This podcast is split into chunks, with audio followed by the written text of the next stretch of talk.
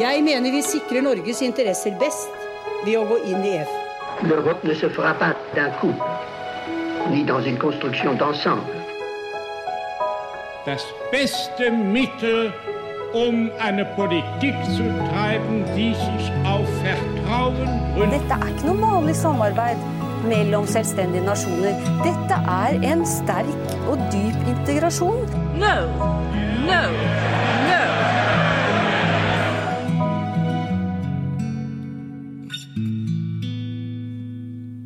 Velkommen til Det europeiske kvarter, en podkast om europeisk politikk og historie med Lise Rye og meg, Kristine Graneng, på europastudier på NTNU.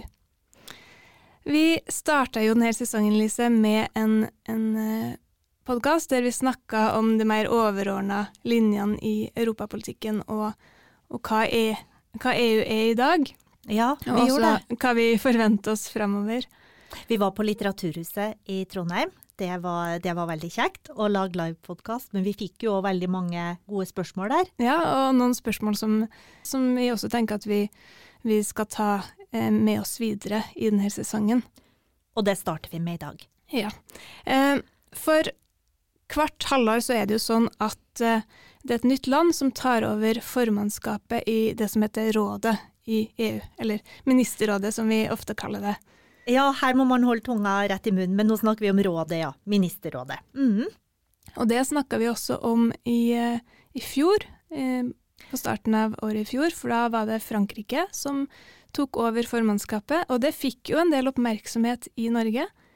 Ja, det, det hadde kanskje Eh, noe litt, med litt Macron mer enn å eh, gjøre. ja, Litt mer enn formannskapet bruker å få, for det, det her er jo Ja, det, formannskapet er jo noe som vanligvis får lite oppmerksomhet i Norge, sikkert fordi det er en del av EU-samarbeidet som vi ikke tar del i. Det er det. I um, det her halvåret så har det også fått litt oppmerksomhet i, i Norge, formannskapet, og det er jo fordi nabolandet vårt, Sverige, eh, er det som har det. Og vi tenkte vi skulle gå litt i dybden på det svenske formannskapet i, i denne episoden. Og det er jo spennende både fordi det er interessant å følge med på hva som skjer i svensk europapolitikk, men også fordi det gir et slags bilde av hva som rører seg i EU, når man ser på, på hva som står på agendaen for det svenske formannskapet. Og for å eh, kun gå litt mer i dybden på, på formannskapet, så har vi fått med oss en gjest, og det er Jonas Tallberg fra eh, Stockholms universitet. Velkommen, Jonas. Tack så mycket. Du har jo jobba en del med, med formannskapet og fulgt Sverige, eh, Sverige sine formannskap gjennom eh, mange år. Eh, for det her er jo ikke første gangen Sverige har formannskapet. Nej, det är ju faktiskt tredje gången som Sverige har eh, formannskapet, eller ordförandeskapet som vi säger på svenska, och som jag nu kommer säga i, i, i vårt samtal här. Eh, Sverige hade innehad, innehade ordförandeskapet första gången 2001 och sen andra gången 2009. Så det är tredje gången. Och det finns ju vissa erfarenheter sedan tidigare ordförandeskap, men det finns också tydliga skillnader mellan 2001 och 2009 och dagens ordförandeskap. Det ska vi komma tillbaka till etter hvert. Men vi tänkte vi kunde starte lite eh, mer eh, här och nu och, och med spørsmål om hva som står på agendaen det her halvåret. Eh, og da er det jo sånn at eh, når man har formannskapet, så er det eh, sånn at man har et program man styrer ut fra, ikke sant? Og, og en liste med prioriteringer. Er det noe som har vært vanlig gjennom hele eh, ja, alle de siste årene i, i EU? Det har faktiskt alltid varit så att det har funnits ett arbetsprogram för ordförandeskapet. Och, Ehm, jag har i min tidigare forskning studerat ordförandeskapets makt i EU och i det sammanhanget så, så samlade vi in och kartlade de prioriteringar som olika ordförandeskap haft genom åren. Och I det sammanhanget så, så eh, fick jag möjlighet att bekanta mig med just det här att ett ordförandeskap under väldigt många år har haft ett, haft ett program. Och programmet ger möjlighet att eh, skicka en politisk signal om vilka frågor som man särskilt vill prioritera under sina sex månader vid makten. Hva slags signal er det Sverige sender det her halvåret, da? Ja, men Sverige valde att lyfta fram fyra områden som särskilt prioriterade. Och eh, eh det här ska säga då, det är områden som, som eh, de lyftes fram av regeringen, den nytillträdda regeringen i höstas. Eh, men det var också samma områden som den socialdemokratiska regeringen under våren 2022 lyfte fram. Och det är fyra områden som är förankrade i det som kallas för TRIO-programmet. För en, en av de aspekter som är nya med, eh, eller förhållandevis nya ska man säga då, den här gången som Sverige innehar ordförandeskapet är att programmet ska samordnas med två andra ordförandeskapsländer. Och eh, i Sveriges fall så var det de två företrädande länderna, Frankrike våren 2022 och Tjeckien hösten 2022. Och de kom tillsammans fram till fyra områden som de ville lyfta fram. Eh, och när Sverige nu lyfter fram samma områden så är det liksom i, i enlighet med den tidigare svenska regeringen men också i enlighet med, med eh, trion ordförandeskapsledare. Jag tänkte jag skulle säga ett par ord om var och ett av dessa fyra områden. Eh, det första området är då EUs yttre och inre säkerhet. Det handlar mycket om, om stödet till Ukraina. Eh, det handlar om sanktioner mot Ryssland. Det handlar om gränsbevakningsfrågor som fått förnyad aktualitet och, och uppmärksammades på toppmöte förra veckan. Ehm, och eh, det handlar om ökat polisarbete men även migration. här. Det andra området är klimat och grön omställning, inklusive energiomställning.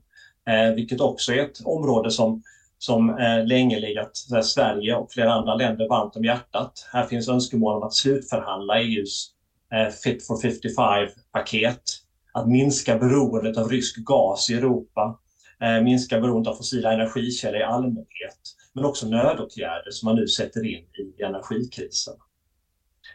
Ehm, det tredje området är europeisk konkurrenskraft. Och det är framför allt en fråga om att vilja prioritera den inre marknaden. Eh, den fyller eh, 30 år i år om man, eh, om man utgår ifrån från det så kallade 1992-programmet om att, om att fullständiga eller slutföra inre marknaden. Och Sverige vill slå ett slag här för att värna inre marknaden. Som ett litet exportberoende land i norra Europa så är det av särskild betydelse. Och sen det sista området är demokrati och rättsstat att stå upp för de liberala demokratins principer som är någon sorts grundfundament i EU. Så det är ju inte väldigt överraskande områden som står på dagsorden. Och ett av spörsmålen, ehm, eller en ting som jag har lite på, är ju och det har du i grund svart lite på allerede, men, men det är ju i vilken grad Sverige har egentligen eh, varit med på å forme de her områdene. For når man ser på det, så är det ju, Det virker som ett väldigt Ehm, noe som har kommet i veldig stor grad eh, i forbindelse med Russlands angrep på Ukraina, ikke sant? og også store prosesser som allerede har vært i gang i EU. Du, du säger något väldigt viktigt där. Eh, man brukar säga att ordförandeskapets program, kan man säga, eller agendan snarare, dagordningen under de sex månader som man innehar ordförandeskapet, består av en del ärvda frågor från tidigare ordförandeskap och en del oförutsedda händelser och sen finns det ibland ett litet utrymme att eh, liksom föra in egna pet projects, egna favoritfrågor som man vill slå ett särskilt slag för. Men i väldigt stor utsträckning så är det ju så här att detta är en, en ärvd dagordning. Det är stora eh, centrala policyfrågor inom EU och sen så är det frågor som har fått ökad aktualitet genom Rysslands angrepp på Ukraina. Alltså framförallt då eh, stödet till Ukraina eh, sanktionerna mot Ryssland och energiomställningen i den energikris som har, som har, som har skapats som en följd av detta. Så jag skulle säga att Sveriges möjligheter till inflytande handlar i mindre utsträckning om att lansera nya frågor. Det handlar möjligtvis om att, att eh, lägga tonvikten lite mer i vissa aspekter snarare än andra aspekter. Eller det handlar om att, eh, om att eh, försöka driva EUs arbete framåt, för det är trots allt den allra viktigaste uppgiften som ordförande. Ja, eh, nå når vi vet litt om hva Sverige skal jobbe med i, under sitt formannskap, kan vi gå over til å snakke litt om hvilke muligheter Sverige faktisk har til å påvirke eh, nå dette halve året når Sverige sitter med formannskapet. Hvilke muligheter vil du si ligger i det å ha formannskapet i rådet? Den absolut viktigaste uppgiften som man har, eh, som ju också är en sorts påverkan på EU, det är ju att driva EUs dagordning framåt under de här sex månaderna. Det är huvuduppgiften. Så um, om Sverige lyckas hålla ihop EU-kretsen, och det tror jag är den allra största utmaningen under det svenska ordförandeskapet, att hålla ihop medlemsländerna. och få överenskommelser på de här centrala områdena, ja, då har man ju haft ett stort avtryck på europeisk politik eh, genom att helt enkelt driva processen eh, framåt, att få EU till avslut. Så det är en sorts inflytande. Den andra sortens inflytande det är just den här eh, betoningen vid, eh, vid vissa frågor snarare än andra. Eh, inte sällan när man förhandlar en, en överenskommelse så är det ju inte så att det bara finns en, ett, givet, ett givet sätt att komma överens om detta. Alltså en, en given uppsättning villkor i den överenskommelsen utan det finns oftast ett visst utrymme att forma det åt ena eller åt andra hållet. Och det är det utrymmet som vi vet att ordförandeländer historiskt sett har utnyttjat för att kunna sätta sin prägel på överenskommelser. Och det är det utrymmet som Sverige kan utnyttja eh, även i år. Då du jobbade med det här eh, för, för några år tillbaka så, så skrev du om det som du kallat brokerage by the chair, eller det som vi kanske på norsk kan kalla formannskapets mäglerfunktion. Så om jag förstår dig riktigt så säger du att den är fortsatt viktig. Eh, Sveriges kanske viktigaste funktion som ledare av rådet i den här perioden vill vara att försöka hålla EU samman genom mägling. Förstår jag det riktigt då? Du förstår mig helt riktigt. Det är den absolut viktigaste funktionen mm. under de här sex månaderna. Det här är en period med förhållandevis hög grad av eh, eh, Alltså det, EU står inför tre, eller befinner sig i tre parallella kriser. Eh, det är liksom Ukraina-krisen, om vi säger så, det är energikrisen och vi har nu också liksom en begynnande ekonomisk kris eller påfrestning beroende på hur saker och ting utvecklar sig här under året. Och det, hittills har man lyckats väl under det franska och det tjeckiska ordförandeskapet att hålla ihop EU i de här frågorna, inte minst i förhållande till då, eh, Ukraina, Ryssland och energifrågorna. Men för varje nytt initiativ så ökar spänningarna något i EU-kretsen. Och här finns det stora krav på eh, att ordförandelandet lyckas samla, eh, samla de andra medlemsländerna. Eh, men som jag sa tidigare, så det är, det är någonstans det viktigaste, viktigaste uppdraget, de bästa möjligheterna till att påverka EUs process kan man säga. Ehm, men den andra aspekten är ju då att inom ramen för de överenskommelserna kunna göra, lägga sin tonvikt i vissa frågor snarare än andra. Mm. Men du, kan vi också snacka lite om kontexten? För att du nämnde inledningsvis att sist Sverige hade formannskapet, det var i 2009. Eh, och det är ju mycket som har skett i EU sedan den gången. Um, ehm, att EU, att uh, du har fått en hög representant för utrikessaker, du har fått en fast president för det europeiska råd och så vidare. Hur påverkar det villkoren för, uh, eh, för landet som sitter med formannskapet? Till att öva inflytelse? Ja, det är väldigt viktiga institutionella reformer som kom som ett resultat av Lissabonfördraget. Och eh, bakgrunden till de här reformerna var att man menade att det fanns, det blev för stor oregelbundenhet eh, och för lite kontinuitet i EU-arbetet när för mycket av arbetet i rådet och som det tidigare var Europeiska rådet sköttes av ett medlemsland i taget under sex månader. Ehm, genom att inrätta den permanenta alltså ordföranden i Europeiska rådet och den höga, permanenta höga representanten som ordförande i utrikesrådet så som, eh, skapade man mer stabilitet och mer kontinuitet. Och ytterligare en reform här var införandet av ordförandeskapstrion och trioprogrammet som jag nämnde tidigare. Att, de tre, att tre ordförandeländer tillsammans ska samordna sitt program. Alla de här tre reformerna ger ökad kontinuitet, ökad stabilitet, men de begränsar också förutsättningarna för varje enskilt medlemsland, eller varje enskilt ordförandeskapsland att sätta sitt avtryck eh, och att påverka under de här sex månaderna. Så i den meningen är uppgiften en annan och något mindre än vad det var tidigare. Det är ju en del förslag om, om reform av EU och kanske inte så många som, eller mitt intryck är i alla fall att det är eh, akkurat nu inte är så väldigt realistiskt att man kommer så stora reformer, i alla fall eh, med det allra första. Det kan ju ske en del eftersom man möjligen öppnar för flera medlemsland. Men är det också nya förslag som potentiellt kan påverka eh, hur formannskapet fungerar? Vet du det? inte som jag känner till som just nu befinner sig på dagordningen. Eh, alltså, historiskt sett så har det vid återkommande tillfällen funnits förslag på att man borde avskaffa det roterande ordförandeskapet helt och hållet. Men eh, det finns flera större politiska skäl till att behålla ordförandeskapet. Eh, och ett viktigt sådant är att det ger en känsla för varje enskilt medlemsland att vid ett återkommande tillfälle få stå mer i centrum för och representera Europapolitiken.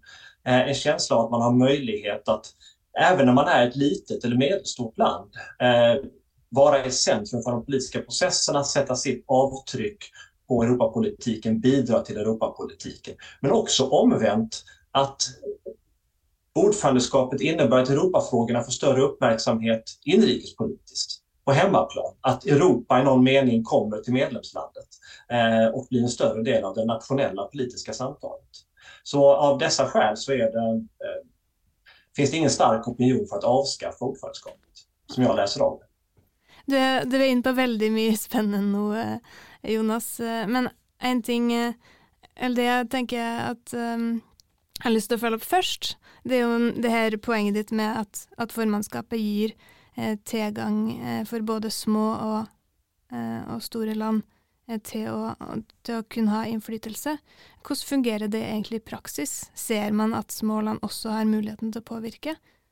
Ja, det gör man. Um, jag ska säga så här att det finns en hel del forskning om förhandlingar i EU framförallt i vanliga lagstiftningsfrågor och lagstiftningsärenden. Vilka möjligheter som medlemsstaterna, EUs institutioner och även ordförandeskapet då har att påverka de, de eh, e EU-lagar som antas, eh, de, de, de överenskommelser som man ingår. Och där visade det sig att i merparten av de här analyserna, både så här, kvalitativa vetenskapliga analyser, fallstudier eh, och kvantitativa analyser, så, så eh, mynnar de ofta ut i att eh, man finner att ordförandeskapet har gett en, en bonusmöjlighet till inflytande för, för länder, såväl stora som små.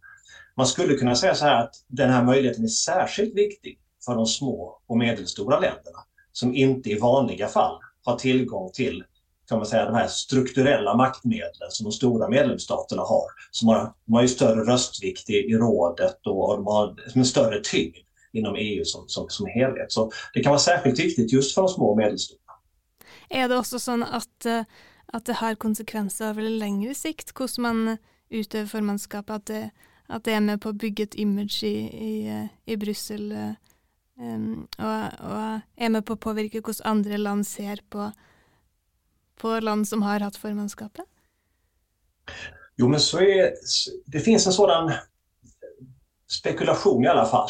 Det är svårt att vetenskapligt säga att, att, det var, att det är på det viset. Men det finns en uppfattning bland politiker och tjänstemän att det sätt som man genomför ordförandeskapet har betydelse för hur landet betraktas av andra medlemsländer och andra förhandlare. Så om man genomför ett kompetent eh, ordförandeskap så ger det goodwill det ger ett, ett, ett bättre rykte. Um, och ehm, um, medan genomför man ett sämre ordförandeskap där, eller ett ordförandeskap där man exempelvis på ett väldigt uppenbart sätt sätter de nationella intressena framför Europas bästa, um, ja då ger det negativa konsekvenser för landets rykte. Um, ett, ett, ett, speciellt exempel på detta var det första finska ordförandeskapet 1999 då man mer än något annat ordförandeskap som jag känner till hade som sin explicita strategi att man inte skulle driva några nationella intressen överhuvudtaget. Man skulle lägga sig platt i de frågorna för att man räknade med att längre fram så skulle man kunna eh, inhämta belöningen, eh, ryktesbelöningen av att ha genomfört ett gott ordförandeskap och all den goodwill som detta gav. Spännande. Det är ju också exempel på att det har gått i motsatt riktning. Eh, det? Frankrike var året efter de hade formannskapet där de fick relativt mycket kritik. Ofta är det så här att de länder som lockas till att eh, driva ordförandeskapet lite väl mycket i linje med nationella intressen och som därför irriterar de andra medlemsländerna. De sätter sig i vägen egentligen för gemensamma överenskommelser. Det brukar vara EUs stora medlemsstater. Eh, inte minst Frankrike som har en tradition att då verkligen kliva in och vilja dominera. Eh, men även, även eh, Tyskland har en sådan historia. Så det, det, det brukar vara så att de större medlemsstaterna är de som drar på sig mest kritik. Intressant. Hvordan, hvordan har de forrige svenske formannskapene blitt vurdert i ettertid? De har fått goda omnämnanden eh, tidigare. Eh, jag tror att eh, omnämnanden om de svenska ordförandeskapen 2001 och 2009 ligger i linje med en, en sorts allmän bild av, av Sverige, som, eh, av, av den svenska statsförvaltningen ska jag säga, som varandes kompetent i EU-frågor. Att man, eh, man, man är väl pålästa, man har hög expertis eh, och man eh, försöker bidra konstruktivt till, till EU-politiken. Den forskning som finns om, om eh, medlemsstaters eh, statsförvaltningar och deras, deras, hur eftertraktade ska jag säga, de är som samarbetspartners i EU visar att Sverige eh, tillsammans med Nederländerna och Danmark, två andra små eller medelstora länder, eh, klarar sig väldigt väl i de sammanhangen. Eh, så det, den allmänna kompetensen som finns i statsförvaltningen har också bidragit till att göra ordförandeskapet 2001 och 2009 till, till eh, positiva erfarenheter. Så, så, lista är lagt ganska högt för eh, det här eh, formannskapet, kan man kanske säga. Eh, när jag har sett på den norska täckningen av det svenska formannskapet eh, jag har inte sett så mycket av det, men eh, Alltinget, som, som nettopp har blivit etablerat i, i, i, Norge, de har haft en del saker som, som, jag tror kanske stort sett är översatt från svensk, men, men väldigt intressant att läsa. Och, och där blir det gärna påpekt att uh, eh, at man lurer litt på hvordan den svenske nasjonale politikken vil eh, legge føringer for, for, formannskapet. For eh, vi har snakka om det tidligere i podkasten også, Lise, at, at, det var valg i Sverige i høst, og da fikk man en regjering ledd av Ulf Kristersson og Moderaterna med Kristdemokraterna og Liberalerna eh, som har støtte fra Sverigedemokraterna i, i parlamentet. Og det er en regjering som er Ehm, går mer i EU-kritisk retning enn en den forrige. Det kan man vel eh, si ganske tydelig. Eh, så spørsmålet er jo hvordan vil det her påvirke formannskapet, hvilke føringer legger det? Hva tenker du om det, Jonas? Ja, men du har helt rätt i att eh, en aspekt av det svenska ordförandeskapet som fått mycket uppmärksamhet, framför allt i internationella media ska jag säga, eh, det är just eh, det faktum att eh, trepartiregeringen lutar sig mot stöd från Sverigedemokraterna. Och eh, här ska då sägas att det finns en klyfta mellan Sverigedemokraternas inställning till EU som traditionellt varit betydligt mer skeptisk. De har inte längre ett, ett krav på utträde ur EU, men de är alltjämt betydligt mer skeptiska än de tre partier som ingår i regeringen. De tre regeringspartierna har en, har en mer positiv syn på EU och, och, i flera fall en väldigt positiv syn på EU. Så detta är en fråga där det finns en konfliktlinje mellan regeringen å ena sidan och Sverigedemokraterna å andra sidan. Och då är ju då dilemmat i sammanhanget att regeringen är beroende av Sverigedemokraterna inrikespolitiskt eh, och har ingått ett avtal med Sverigedemokraterna om eh, ett stort antal frågor som ska, hur de ska hanteras under mandatperioden. Och eh, i detta avtal så finns inte EU-frågorna explicit reglerade. Men flera frågor är av den karaktären att de får en EU-dimension, att EU skär in i dessa frågor. Eh, statsministerns egen uppskattning här är att cirka en sjundedel, en av sju frågor som uppmärksammas under ordförandeskapet har, eh, är av sådan karaktär att de, de, de berör samarbetet med Sverigedemokraterna. Och där finns, kan man säga, spänningsytan eller konfliktytan för regeringen. Hur ska man navigera i de frågorna som, som involverar även eh, som involverar aspekter som Sverigedemokraterna har, eh, som ska samförhandlas med Sverigedemokraterna.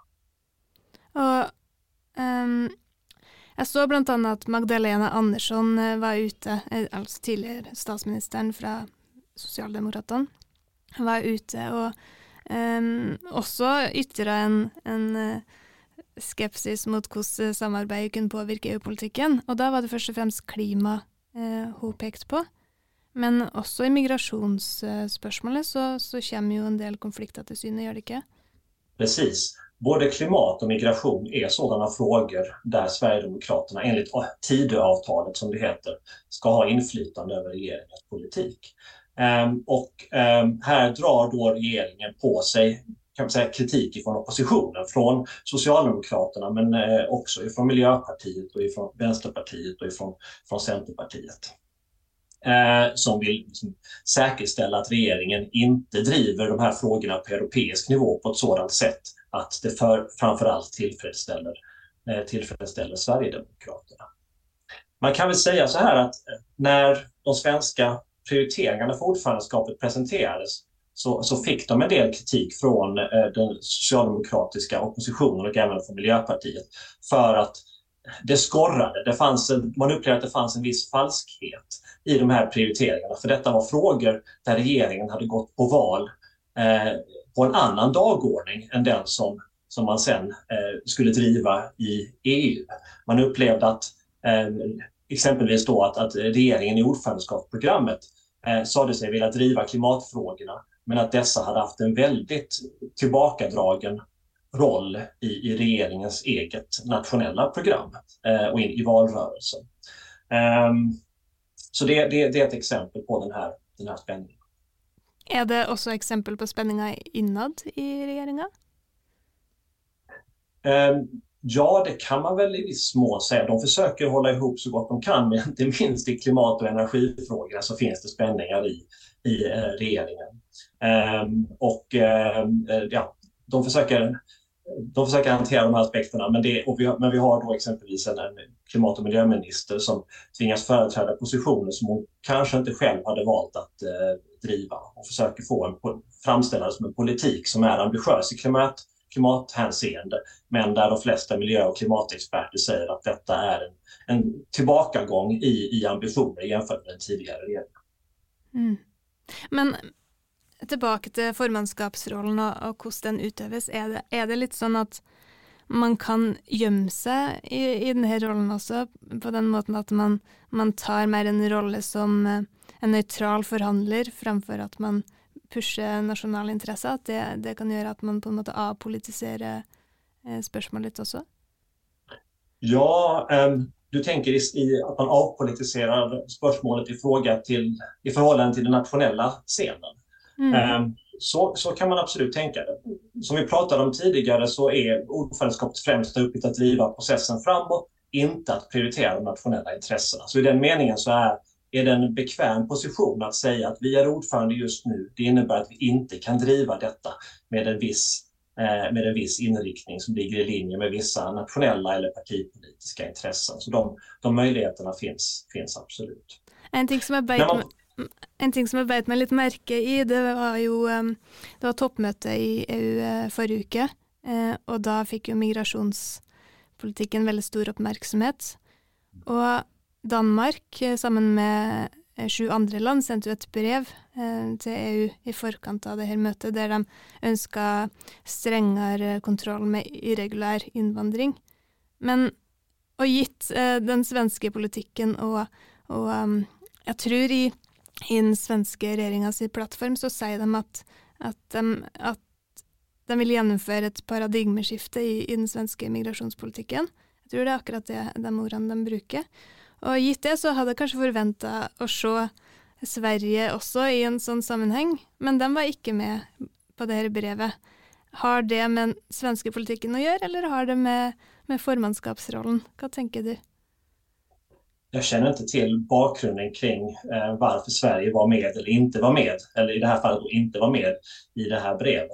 Jag kan föreställa mig att man inför ett toppmöte som ordförandeland inte vill binda sig till en specifik position utan ser att den främsta uppgiften är att försöka hitta en väg framåt givet den oenighet som finns i medlemskaps, eller medlemsstatsskaran. Och här såg vi att det var betydande oenighet också vid vid eh, toppmötet med medlemsländer som har lite olika syn eh, på den här frågan.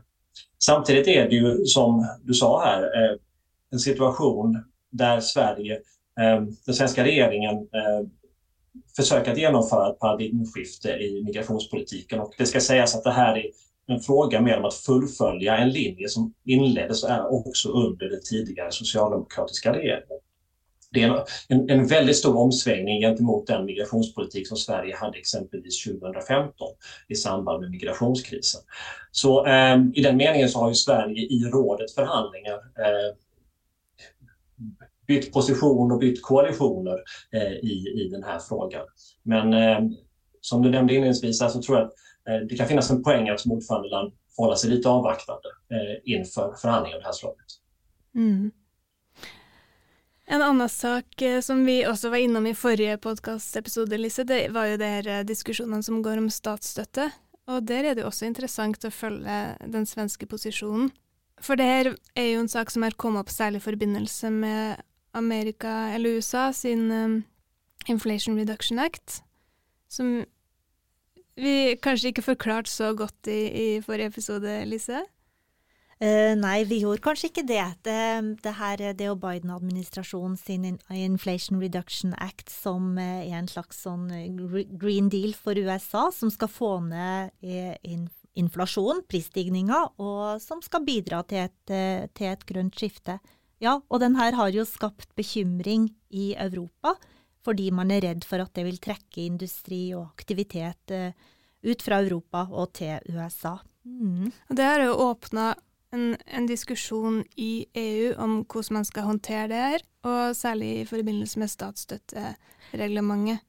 Ja, for statsstøtte har jo tradisjonelt vært noe som EU ikke driver med. Eh, tvert om. Man skal ikke ha statsstøtte i det indre marked fordi det skal være en sånn even playing field, det skal være like regler for alle. Men nå ser vi at det er litt andre, andre toner på det feltet.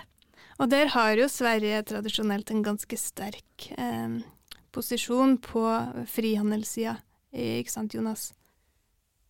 Det stämmer bra.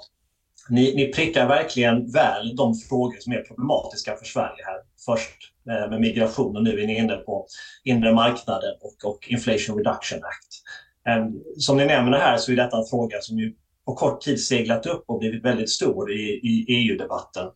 Och eh, där det finns en tydlig opinion bland många medlemsländer att eh, vilja ha eh, en, en ökad, ett ökat stöd till den europeiska industrin för att kunna stå emot för att kunna konkurrera med amerikansk eh, grön industri. Um, och den svenska linjen eh, inför ordförandeskapet var väldigt tydligt sådant att eh, vi bör inte införa protektionistiska inslag i EU utan vi bör, måste värna den inre marknaden och måste värna konkurrensen eh, och, och, och eh, konkurrenskraften i Europa utan statsstöd eller andra, andra subventioner till eh, europeisk industri. Utifrån tanken om att dessa inte bara blir dyra utan de blir också ineffektiva och, och eh, snedfördelar eh, i, i ekonomin. Som ordförande måste nu Sverige hantera det här. Ehm, och ehm, där har man väl ehm, varit liksom tydlig från ordförandeskapet med att man vill se att de här åtgärderna blir så begränsade som möjligt. Ehm, och här har funnits en li liten spänning mellan ordförandeskapet eh, å ena sidan och kommissionen å andra sidan där kommissionen eh, kan tänka sig något mer långtgående åtgärder än vad det svenska ordförandeskapet helst vill se. Eh, nu tycks man ju ha landat i ett läge där statsstöd blir den linje som man väljer men där eh, ytterligare ekonomiska bidrag till, till, ehm, eh, till industrier ehm, nationellt finansierad, eller med, förlåt, med finansiering från EU inte är aktuellt, åtminstone på det här stadiet. Mm, så, det, er flere, det er flere konfliktlinjer som møtes her, egentlig. Man har jo spørsmål om, om statsstøtte i det hele tatt, ikke sant. Men også, så har man også spørsmål om hva som skal skje på nasjonalt nivå og på EU-nivå. Eh, som handler om det her med en økonomisk, nei, en europeisk eh. Precis, det är egentligen två olika åtgärder som man diskuterar. Den första åtgärden är möjligheter för medlemsländer att ge statsstöd utan att bryta mot EU-rätten kan man säga. Eh, och här luckrar man upp reglerna för att göra det möjligt att ge stöd till gröna industrier så att de kan konkurrera med amerikanska gröna industrier och inte bli utkonkurrerade av att de amerikanska industrierna får de här subsidierna, de här, det här stödet. Och det är det som man nu har gett klartecken till. Eh, eller där det finns ett, ett, ett tillräckligt stöd. Den andra aspekten eh, var förslag att man från EUs eh, e medel skulle eh, ge ytterligare möjligheter till bidrag till länder eh, för att kunna stötta sina gröna industrier. Och bakgrunden till det förslaget var att inte alla länder har möjlighet att nationellt sett ge statsstöd. För de ekonomiska förutsättningarna i EU är ganska olika i olika medlemsländer. Eh, och då skulle de här europeiska medlen vara ett sätt att lösa detta.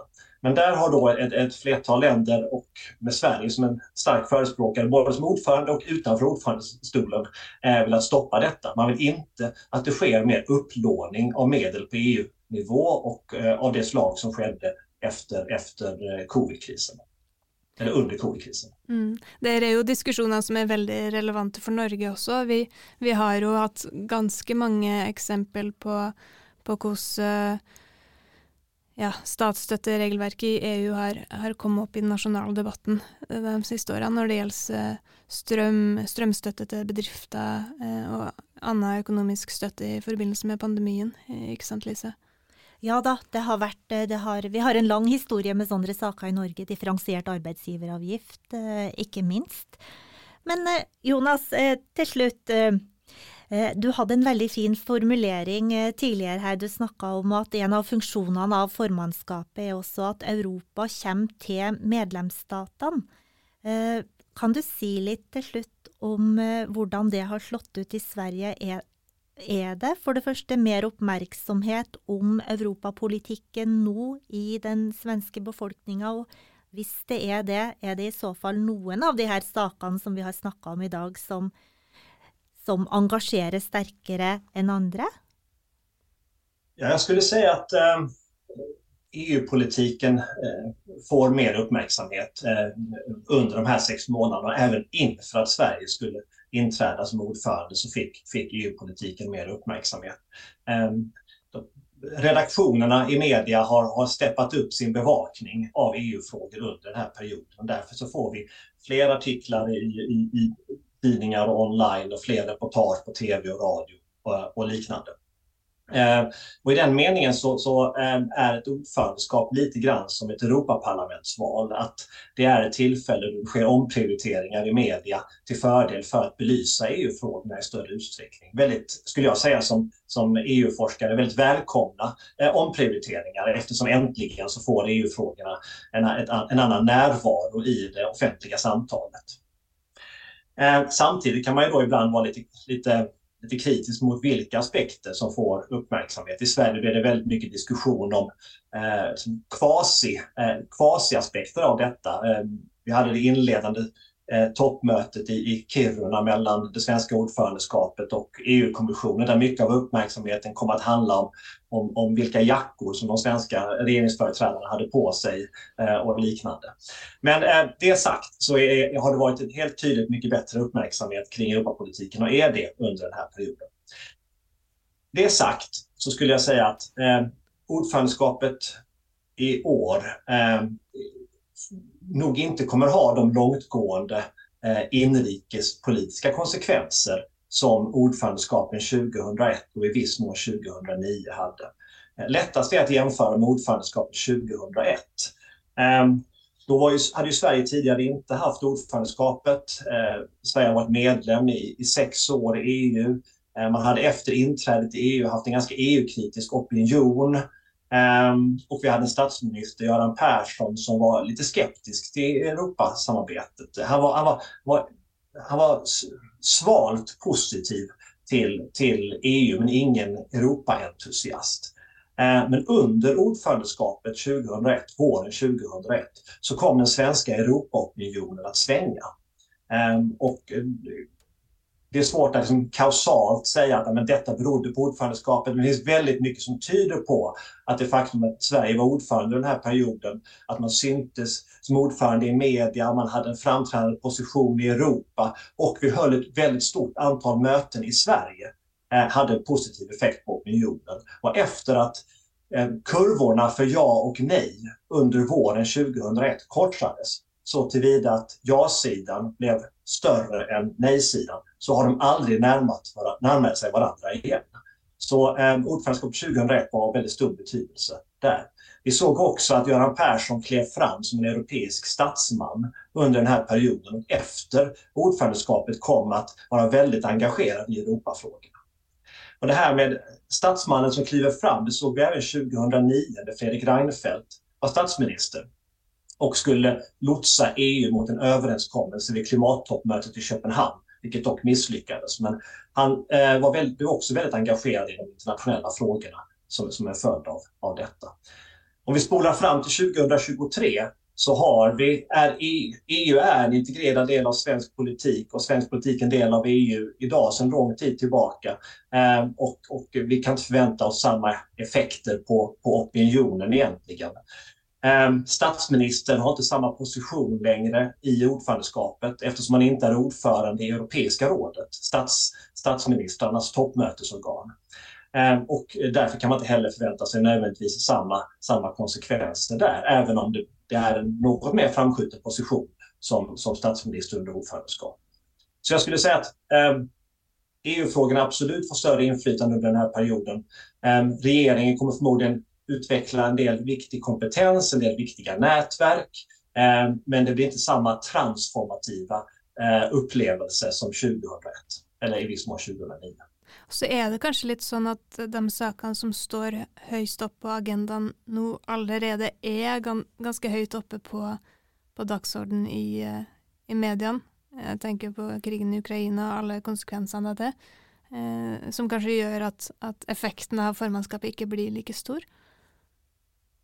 Ja, frågorna är absolut eh, på toppen av, av eh, dagordningen.